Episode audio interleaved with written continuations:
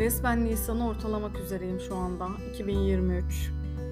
3 haftadır iş yapış şeklimi de değiştirdim.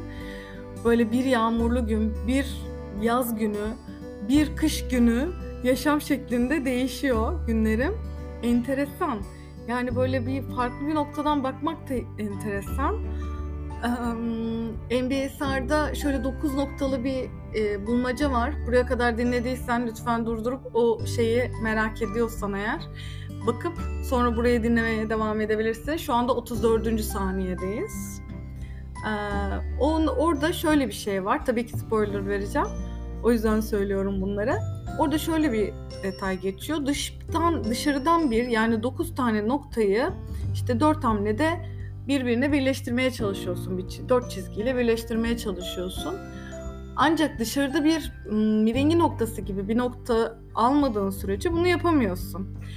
Benim için bu hep dışarıdan böyle bir bakış açısı ee, oluyor. O bu şeyi ne zaman hatırlasam, ne zaman bu noktaları görsem benim için o. Şu anda 3 haftadır iş yapış şeklimi değiştirdiğim için de tabii ki böyle bir dışarıdan bakıyorum kendime ve hayata ve çalışma hayatıma, iş yerime, her şeye. Her şeyi dışarıdan daha komplike görme şansım oluyor. Bunu daha tam böyle farkındalıkla oturtmuş değilim. Her gün yeni bir şey fark ediyorum ama bunlar tam böyle dediğim gibi böyle içime sindirdiğim, o farkındalığı bilinç seviyesine ulaştırdığım şeyler değil. Bakalım önümüzdeki günler ne kadar bulacağım ancak böyle değişik e, tabii geliyor. Şimdi ben konfor alanımda 19 senedir çıkıp masanın başına gidip bir kapalı alana girip masamın başına gidip gelen her şeyi güzelliklerle karşılıyordum. Şimdi resmen ben gidiyorum. Yani ertesi gün nereye gideceğimi sabah belirlemem gerekiyor ki sabah kalktığımda böyle avarel gibi dolaşmayayım etrafta. Bu tabii benim için çok enteresan. Hani kimisi home office vesaire de sevebilir belki. O benlik hiç değil galiba. Ee, en azından şu anda hani bir toplantıya gireceksem de sabah erken de olsa çıkmayı galiba tercih ediyorum. Evden çıkıyor olma ve bir işe gidiyor olma hissi benim için daha kuvvetli. Ee, evet hemen kalkar kalkmaz da bir müşteriye, bir yere, bir bayiye bir şeye gitme hissi benim için daha etkili. Ancak bugüne kadar hep dediğim gibi dışarıdan aldığım hizmetleri şimdi gidip de veriyorum. O çok enteresan ve farklı bakış açıları oluyor. Bilgi paylaşımı gerekiyor çünkü. Hani öğrendiğiniz şeyleri öğretme noktasına geliyorsunuz uygulamalarla birlikte. Bir de merhaba hoş geldiniz değil, merhaba ben geldim diyorsunuz.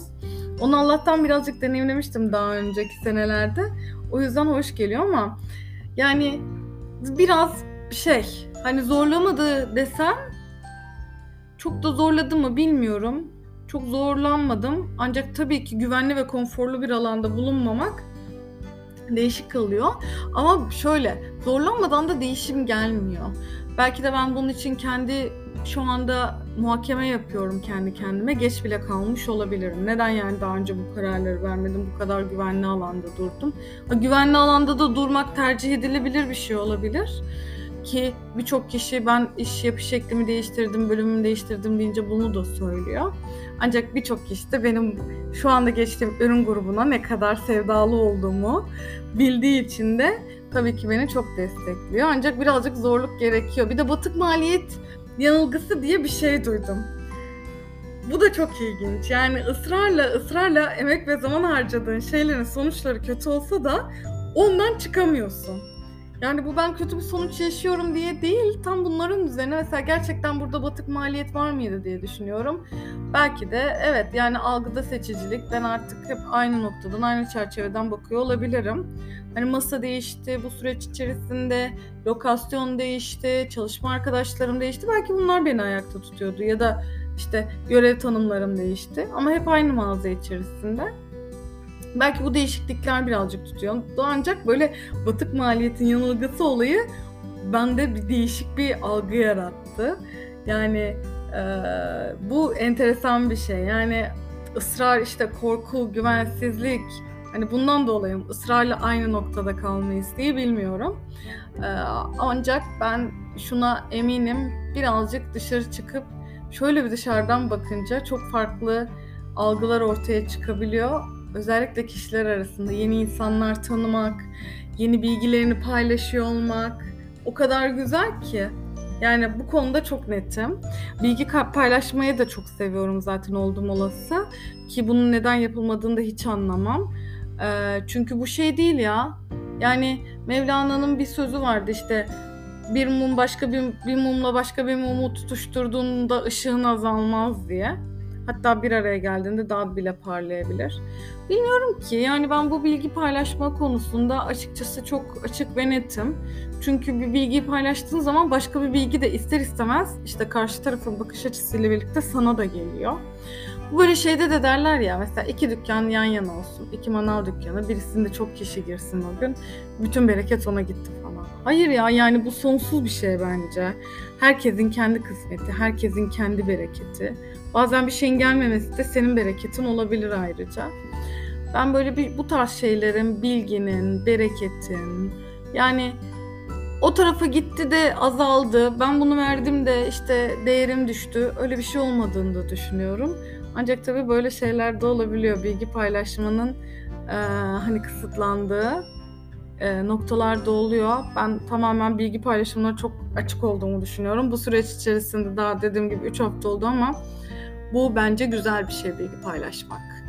Yani paylaşmıyorsun da ne oluyor? Bunu da sorabiliriz birbirimize. Neyse ya böyle komik komik e, zamanlar da geçiriyorum. Kendi kendime gülüyorum. Çünkü bir yerde bu hafta şey okudum. Sinir hastası olmamak için komik biri oldum falan diye. Hani bu da zorlama mıdır acaba? Hani zorunda kalmadan değişme şey midir bendeki diye de düşünüyorum.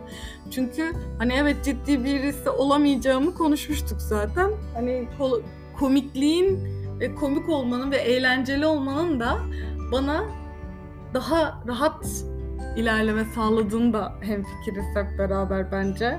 Sen ve ben benim için bunda okeyiz. O yüzden de böyle şey hani ne bileyim e, hani evet çok ciddi olursam böyle sinirli bir hal içerisinde oluyordum. Şimdi o yüzden komik olmak, neşeli olmak bana daha iyi geliyor. Ama lütfen bunları gerçekten zorunda kalmadan yapalım. Baktınız ki gerçekten olduğunuz yerde rahatsızsınız. O yüzden ama ama ben buraya çok emek verdim, bunu çok yaptım diye de bu batık maliyet yanılgısından çıkalım. Lütfen. Yani derdik emeklerimiz bakidir. Sonuçlarını almışızdır. Ancak sürekli orada devam etmek ve yani hiçbir koltuk, hiçbir masa bizim değil. Ben sabahleyin 19 sene gittim de ne oldu? Yani masalar geçicidir. Bunu hiçbir zaman unutmayalım. Önemli olan biz neyiz? Biz nasıl biliniyoruz? Bizi birisi konuştuğu zaman içinden ne geçiyor? Demiştim ya daha önce bir insanın iyiliğe inanmaya sebebi olun diye. Yani benim gerçekten e, kendime bu kadar iyi bir hayat felsefesi seçeceğimi de düşünmezdim. Ancak hayattaki iyiliğe, hayattaki neşeye, hayattaki mutluluğa ha böyle de bir şey varmış diye inanma sebebi olmak çok hoşuma gidiyor. Görüşürüz.